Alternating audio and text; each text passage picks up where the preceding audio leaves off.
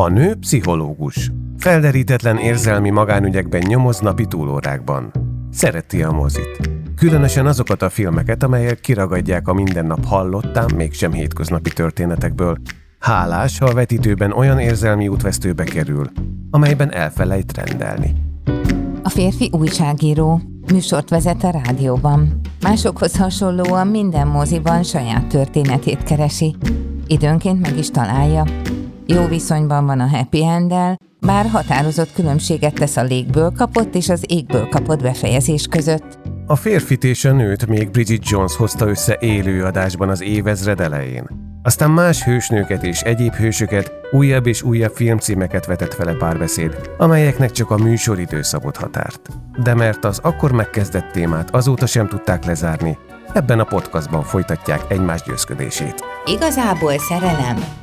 Avagy a szerelmes filmek és az életünk. Tarianna Mária és Horváth Gergely beszélgetései.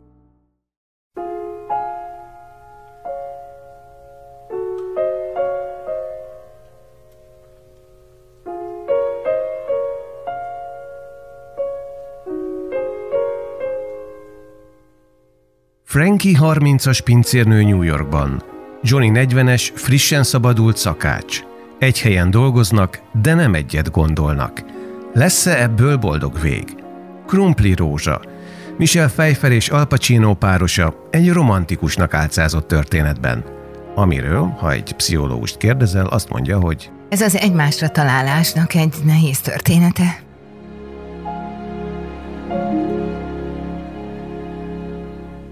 Mitől nehéz? Tudtam, hogy ezt fogod kérdezni. Kiszámítható vagyok ez azért. Igen, direkt mondtam, hogy nehéz történet.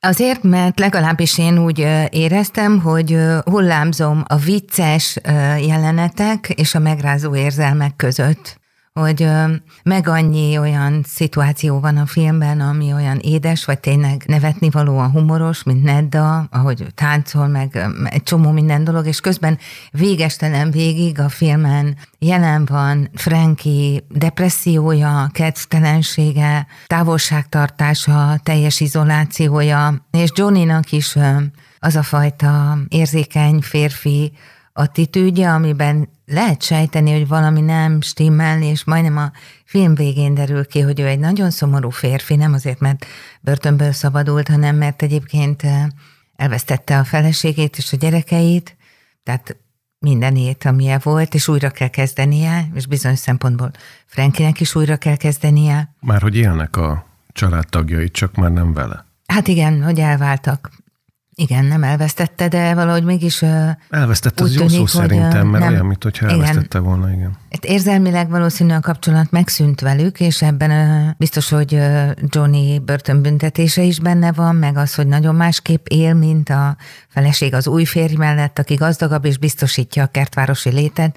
Szóval ami igazán megrázó volt, hogy tulajdonképpen ez a film minden kedves bája ellenére azért mégiscsak egy bántalmazott nő és egy frusztrált, boldogtalan, de nagyon-nagyon ambiciózus férfi szerelmének a története. Érdekes ez az ambíció Johnny esetében. Annyit még mondjunk el szerintem, mert ez fontos, hogy a film eredeti címe az Frankie és Johnny, és ez egy dal, ami Amerikában igen népszerű, 1899-ben indult útjára, nagyon sokan dolgozták föl, Johnny Cash, Elvis Presley, de hát nagyon sokan mások, több film született belőle még a, a 20-as, 30-as években is, tehát mondjuk a, a hangos film kora előtt, meg a váltáskor.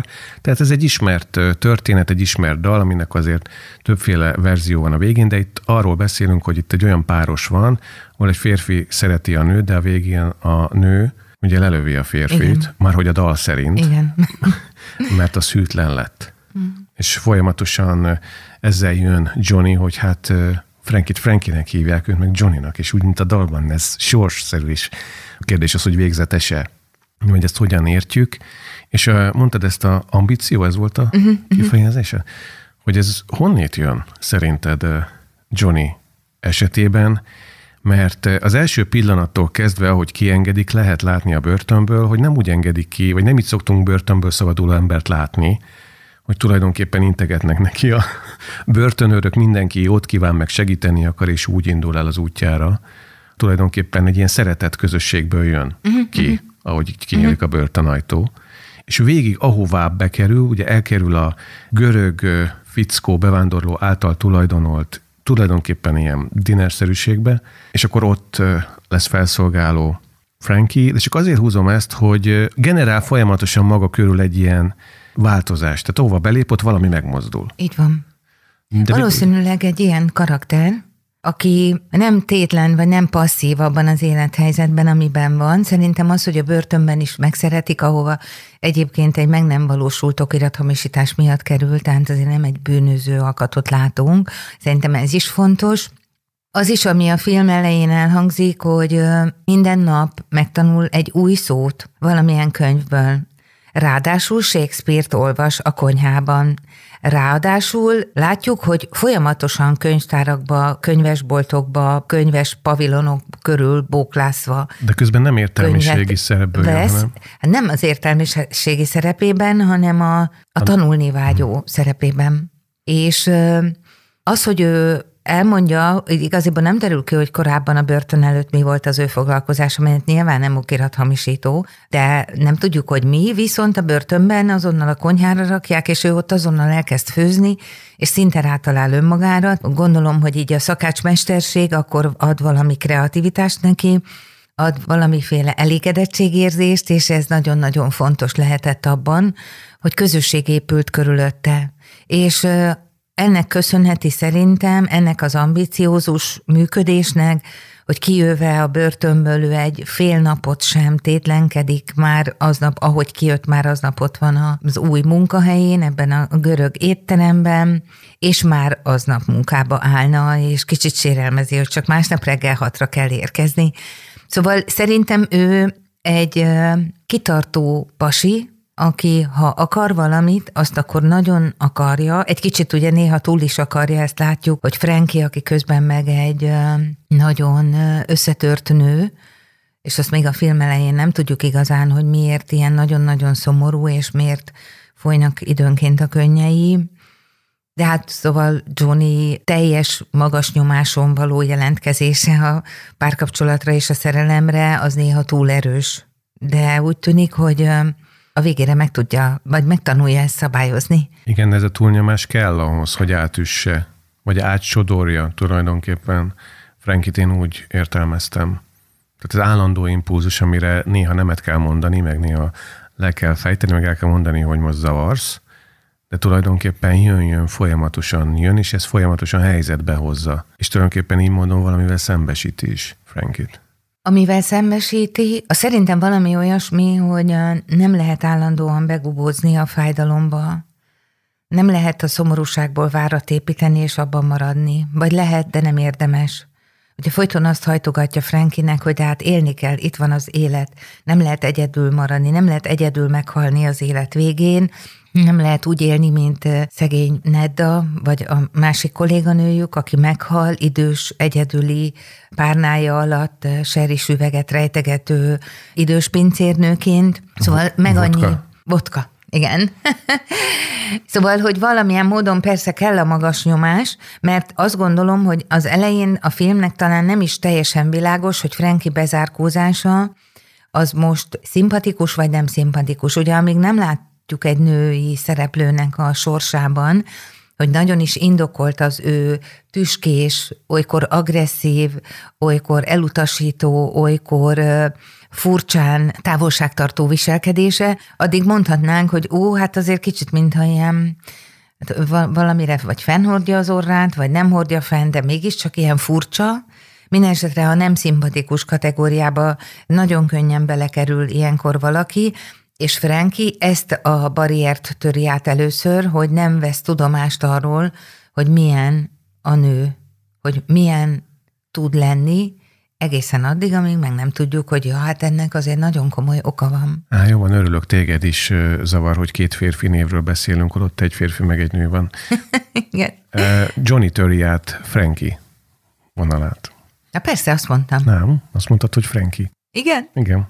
De nekem is figyelni kell erre, épp ezt akartam mondani, hogy neked nem zavar, hogy tulajdonképpen két férfi név lenne? És most nem akarom rögtön az ellenértelmezését is megtenni, hogy miért értelmes akkor is a mondani valóm, hogyha Franki töri át ezt az első barriert, mert ez azért nyilván neki is, neki is meg kell tennie néhány lépést, és igazság szerint, ha kockánként nézzük a filmet újra, akkor tényleg az van, hogy Franki nagyon hamar észreveszi ezt a pasit, aki bejött dolgozóként. Igen, nagyon de nem ismeri el magában, hogy észrevette. Nem, igen, igen.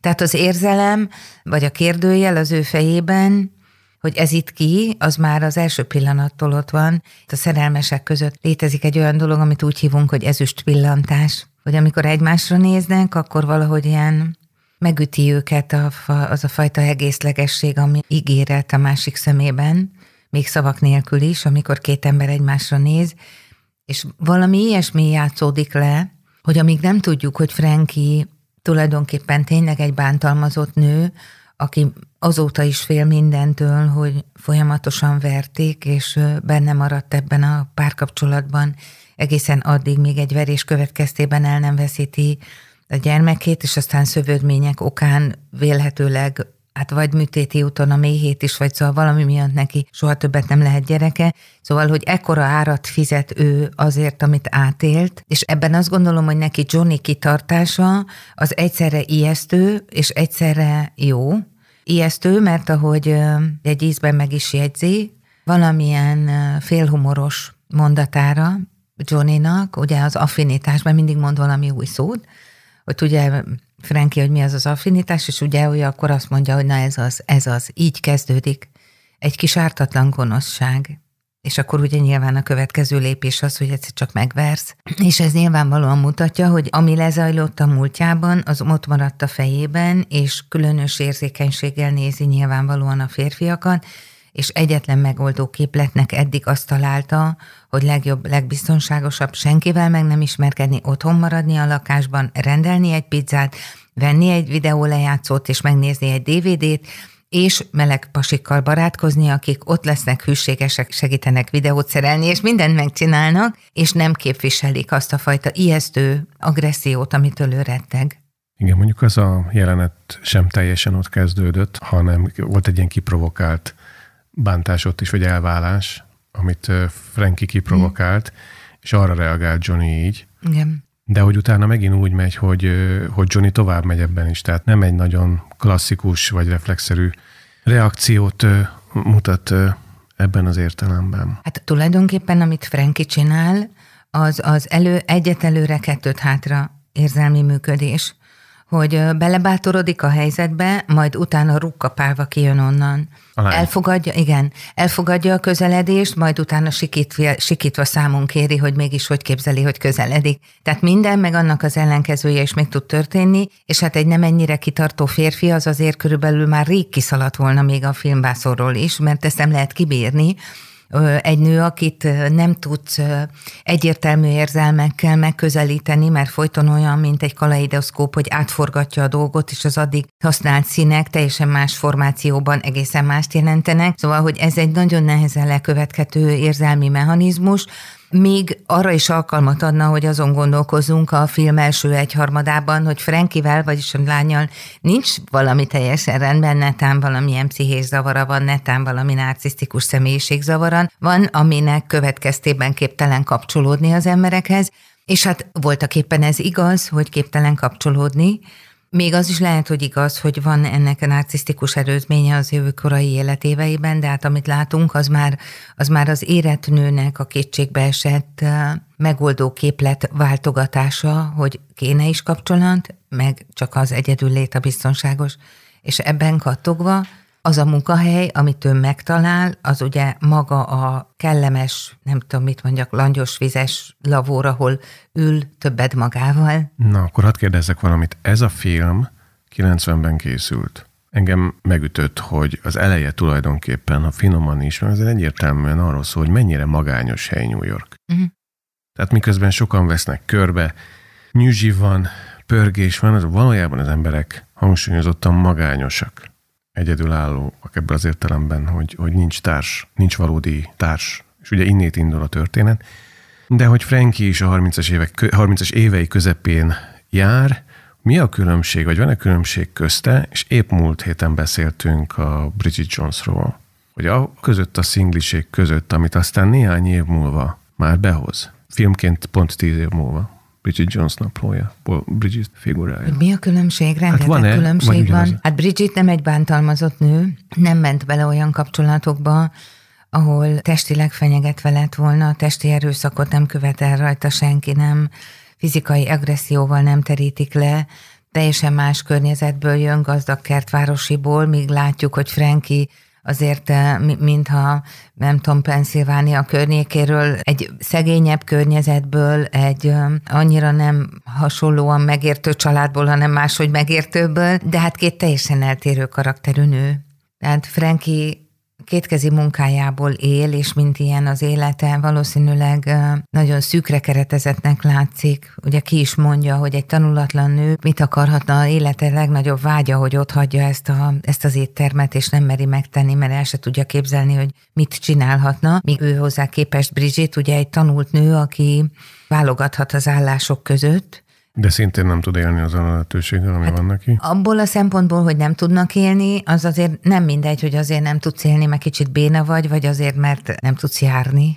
Szóval, hogy... Ezt értem, de inkább a, a magány, vagy az egyedülmaradás, ilyen típusú egyedülmaradásnak az oka érdekelne. Hogy ebbe van-e valami közös, vagy, vagy teljesen eltérő gyökerű.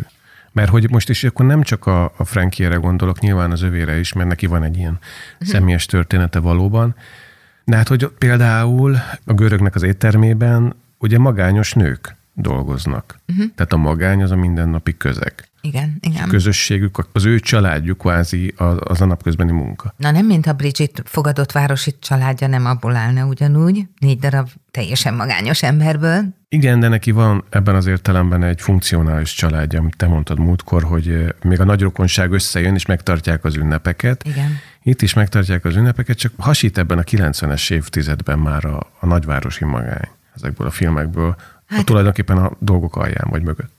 Most uh, idézhetnék neked uh, a 80-as évek közepétől már olyan pszichoanalitikus szakirodalmat, amiben leírják, hogy az individualizmus mindennél erősebb lesz, és atomizálódnak az emberi közösségek, és egyre több lesz a magányos ember, aminek következtében egyre nő majd az egoista vagy narcisztikus érzelmi munkamód mindennapisága, és nagyon nehéz lesz emberi kapcsolatokat kialakítani, mert hogyha mindenki a maga ego RT-jét építi, akkor azért azokat néha nehéz ütköztetni.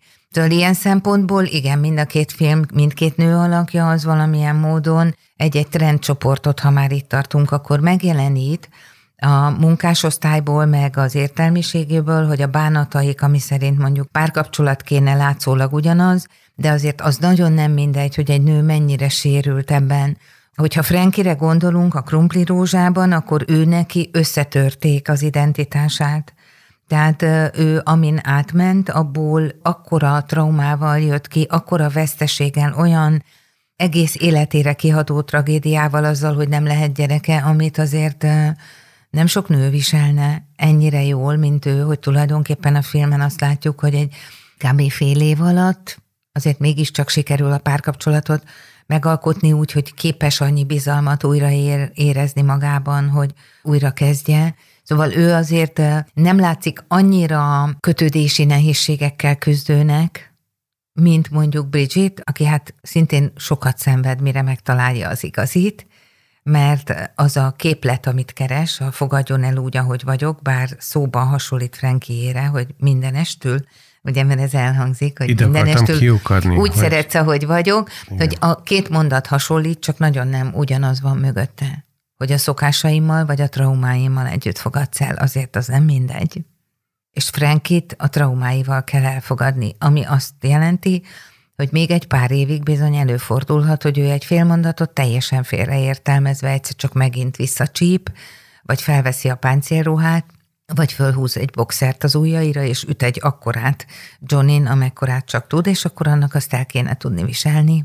Hogyha már ezt a különbségtételt meghozod, akkor lehet úgy szeretni, hogy egy traumát ki szeretni a másikból, vagy ahhoz mindenképpen kell a másik, aki hordozza a traumát? Nem tudod kiszeretni a másik tevőleges részvétele nélkül, de hogy a legnehezebbet mondjam igazából, nem tudsz kiszeretni valakiből egy traumát, időlegesen tudsz neki segíteni, de valójában csak egy szakember tud segíteni abban, hogy, hogy egy ilyen nehéz helyzetben az érzelmei mondjuk tényleg feldolgozást nyerjenek, és tudjon működni egy párkapcsolatban. Itt, aminek örülni lehet, mondjuk, hogy Frankie 37, amúgy igaziból megnéztem, csak 32 volt, amikor hm. játszotta, szóval 36, 36 éves, és három évvel azelőtt történik vele mindez, szóval 33 évesen, és még utána tudott együtt élni valakivel, tehát nagyon erős személyisége van, azt kell mondjam, hogy hihetetlen én ereje van, hogy utána még azért próbálkozott, aminek megcsalás lett a vége, tehát ott is tulajdonképpen egy olyan csalódás várta, amire valószínűleg nem készült, de szerintem az a kapcsolat az egyik oka annak, hogy aztán úgy dönt, hogy na kész, akkor ezt itt befejezte, és soha többet nem kell semmiféle férfi. Nincs rá szüksége. Igen. Pedig hát látjuk, hogy van. De ezzel jövőképét is föladta. Ugye látunk párhuzamosan az egyik kollégája, aki a konyhán dolgozik, ő ír egy forgatókönyvet, amit időközben megvesz valami hollywoodi nagy cég, és elindul a karrierje. Ez egy búcsúboli, ami segít nekik egyébként az egymás fele haladásban már, hogy Frankinek és Joynak. Tehát látunk egy ilyen úgymond amerikai álomszerű történet elindulását, hogy másnak sikerül ugyanabból, a, ugyanabból az étteremből. Hát igen, de az amerikai államhoz az is kell, hogy az a pasi, aki kiemelkedik és megveszik a forgatókönyvét, ő írt. Frankin nem látjuk, hogy csinálna valamit, Johnny látjuk, hogy olvas. Tehát mondjuk persze, még bármi lehet belőlük, de elsősorban az lenne a jó, hogyha megtalálnák önmagukat és egy új párkapcsolatot. Azon gondolkoztam, míg néztem a filmet, hogy Franki óvatossága, ugye párosulva ezzel a mégiscsak egyetelőre kettőt hátra működéssel, Nyilván egyre provokatívabban hívja elő Johnnyból a magas nyomású gőzgépet, hogy akkor ő megnyomuljon, és hogy vajon meddig lehet ezt majd bírni. Tehát, hogy ők egy olyan pár lesznek, akik holtomiglan, holtodiglan, örökké, vagy egyszer csak Johnny besokal, amire ugye van utalás, amikor Debussy holdfényszonátáját kéri a film végén a rádiós műsorvezetőtől, és ott a történetüket elmondja annak a rádiós embernek, hogy miért kéri ezt a történetet, és akkor az van, hogy hogy a nő az már kezdi elfelejteni, hogy miért találkoznak ők ketten, és mit is éltek át együtt, de baj van, hogyha egyszer a férfi is elkezdi már elfelejteni, és ugye ez egy nagyon fontos tulajdonképpen intés vagy figyelmeztetés Frankinek szerintem meg is hallja, hogy nem lehet örökké belerugni abba, aki, akit folyamatosan muszáj ellenőrizned, hogy még ezt is kibírja, ezt is kibírja, ezt is kibírja. Tehát a traumatizált nem csak nőkkel, férfiakkal is, ugye általában a környezetnek, vagy mondjuk egy párkapcsolatban nyilván az az egyik legnehezebb, hogy váratlan lehet az érzelmi kitörés, váratlan lehet az a fajta válasz, ami egy külső szemmel teljesen paradoxonnak vagy extrémnek hathatod, most miért így, miért így reagál, miért ilyen, miért robban föl, miért uh, ilyen nagyon fura, és hát nyilván azt a másik oldalon senki nem kalkulálja úgy igazán, hogy meddig van erre tűrőképessége vagy elfogadása a szerető félnek, hogy meddig lehet mm, gazdálkodni az ő nyugalmával, türelmével, szerelmével. Lehet, hogy ez Johnny motivációjából jön. Én úgy látom, hogy ő, hogy ő neki nem múltja van, hanem jövője. Tehát ő egy ilyen karakter. És mondja is, hogy az élet rövid, és ő már nem akarja vesztegetni az idejét. És miközben nyomul és mindenhol változást generál az ő jelenléte, és ugye Frankie esetében is töri át a falakat, halad beljebb, aztán kidobják, megint, egy, megint kidobják, de hogy ennek a, a kidobás résznek, meg a pofon kapásnak tulajdonképpen van egy határa ebből a szempontból is, hogyha a másik tudja, hogy mit akar az életétől, tudja, hogy nem csinálhatja a végtelenségig. Kérdezem. Persze, hogy van egy határa. Na, de nem mindenkinél húzódik meg ez a határ. Hát ez karakterfüggő, hogy kinél húzódik Franki, abban igazad van, hogy inkább, inkább jövője van, mint jelene, de hát azért mégiscsak pszichoanalitikus vagyok, tehát nyilvánvalóan a múltjából építkezik. Már hogy Johnny. Is, vagy Johnny. Megint. Látod, de És Franki is. De szerintem ennek van igen. szerepe, csak nem tudjuk, hogy mi. Igen, igen. Mindenkitől elnézést kérek, szóval Johnny a múltjából építkezik, csak nem tudunk arról semmit sem. Igazából az ővéről aztán tényleg nem tudunk semmit. Frankinek legalább látjuk a nagyon szomorú anyát, meg a barátnőjét, meg a rokonságán, de hogy Franki bizonyos pontokon azért felismeri, ha átlépett egy határt. Tehát emlékezz a film legelején, ott úgy búcsúzik el az anyától a keresztelő után, hogy anya lehet, hogy nem vagyok a világ legboldogabb embere, de erről nem te tehetsz. És ez azért mégiscsak egy nagyon szép mondat, uh-huh. mert uh, ugye az de- depressziós érzelmekre szokta azt mondani minden szakember, hogy az egyik legnehezebb, a környezet számára az egyik legnehezebben elviselhető valami, mert a másik kőtömbé változik, és nem tudsz rajta mozdítani. Vehetsz te elő ütvefúrótól kezdve mézes csöbröt, bármit, nem, nem, tudsz, nem tudsz oda férkőzni, és nyilván Franki pláne egy olyan helyzetben, ahol kisbabát kell a kezében fognia, akinek is sosem lehet, azért nagyon befeszül ezen, és nagyon felépíti nagy hirtelen azt a betonfalat, ami mögött elrejtőzik, de ki tud szólni az anyjának legalább. És így gondolnám, hogy azért ő tudja, hogy hol vannak a határok, ameddig nem lehet, amikor már ki kell lépni onnan. Hát végül is a film végén Azért csak kijön a fürdőszobából, nem mond semmit, csak azt mondja, hogy a kéket használt fogmosásra, így adja tudtára Johnnynak, hogy nem hogy maradhat, de hogy akkor mostantól kezdve fogkeféje van, ami ugye mondhatnánk, hogy megint egy iszonyatosan visszafogott közlés, és később erre mondjuk simán lehet hivatkozni, hogy én nem azt mondtam neked, hogy költöz ide, én azt mondtam, hogy mossál éjszaka fogat.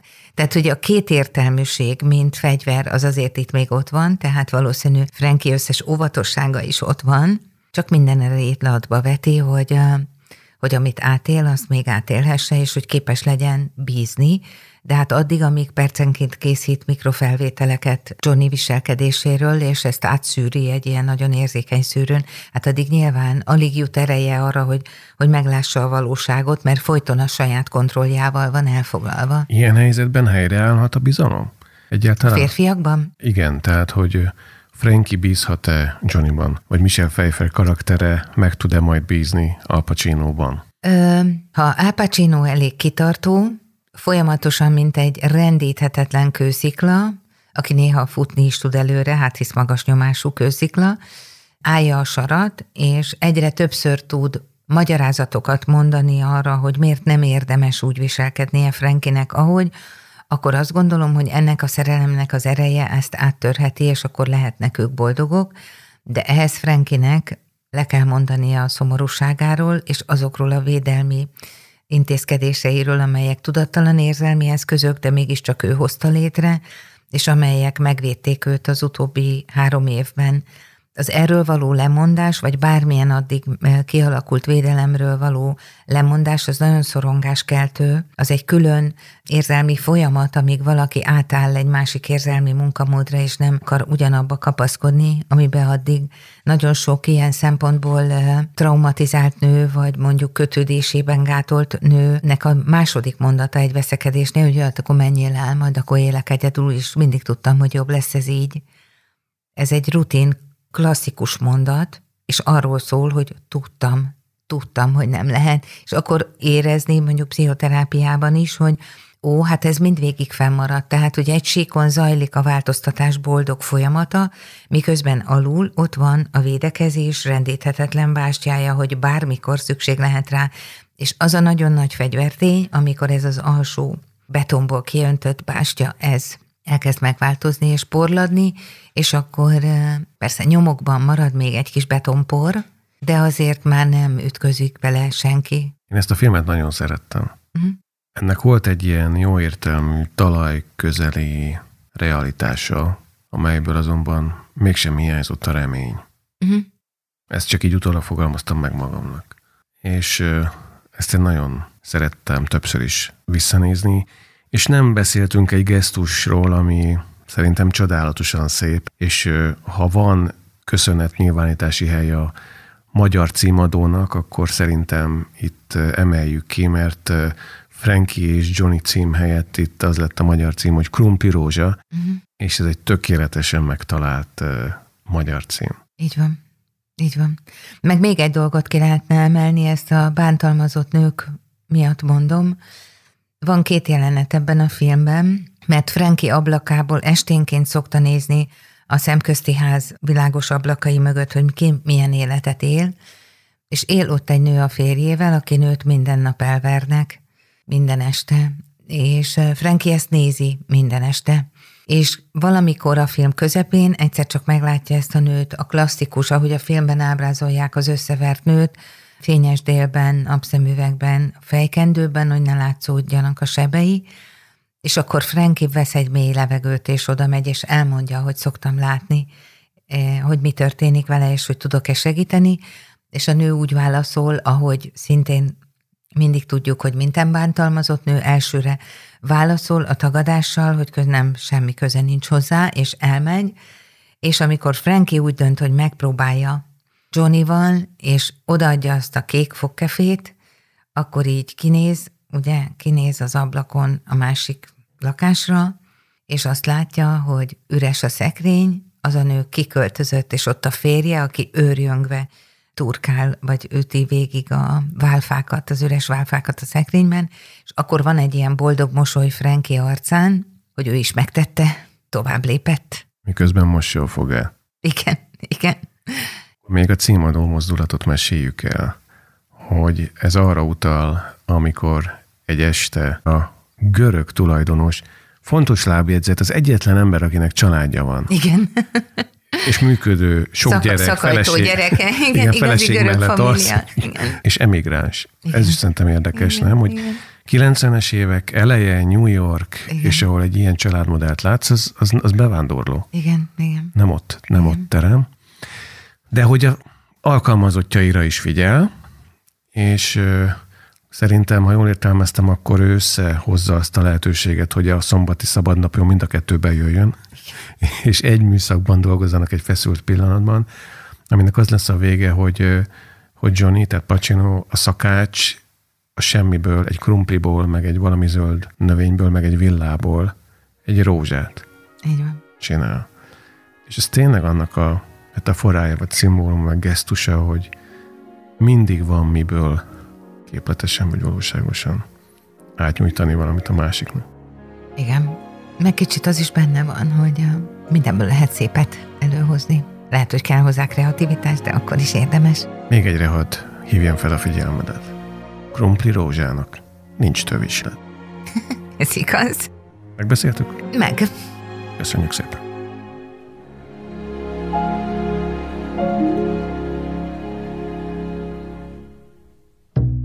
Kedves barátaink, akik hallgattok bennünket, az Igazából Szerelem Podcast sorozatában hallgassátok a többi epizódot is. Az első évadot a Kultúr Fitness oldalán találjátok meg a Spotify-on, az Apple Podcaston, és itt tudtok kommunikálni velünk. Szívesen veszük, hogyha elmondanátok, hogy milyen filmeket szeretnétek még velünk együtt megnézni, és oly mértékben elemezni, mint ahogy ez előbb itt történt. Köszönjük a figyelmeteket, és örülünk, hogyha legközelebb is találkozunk. Alien. Ezt bele fogom tenni. Jó.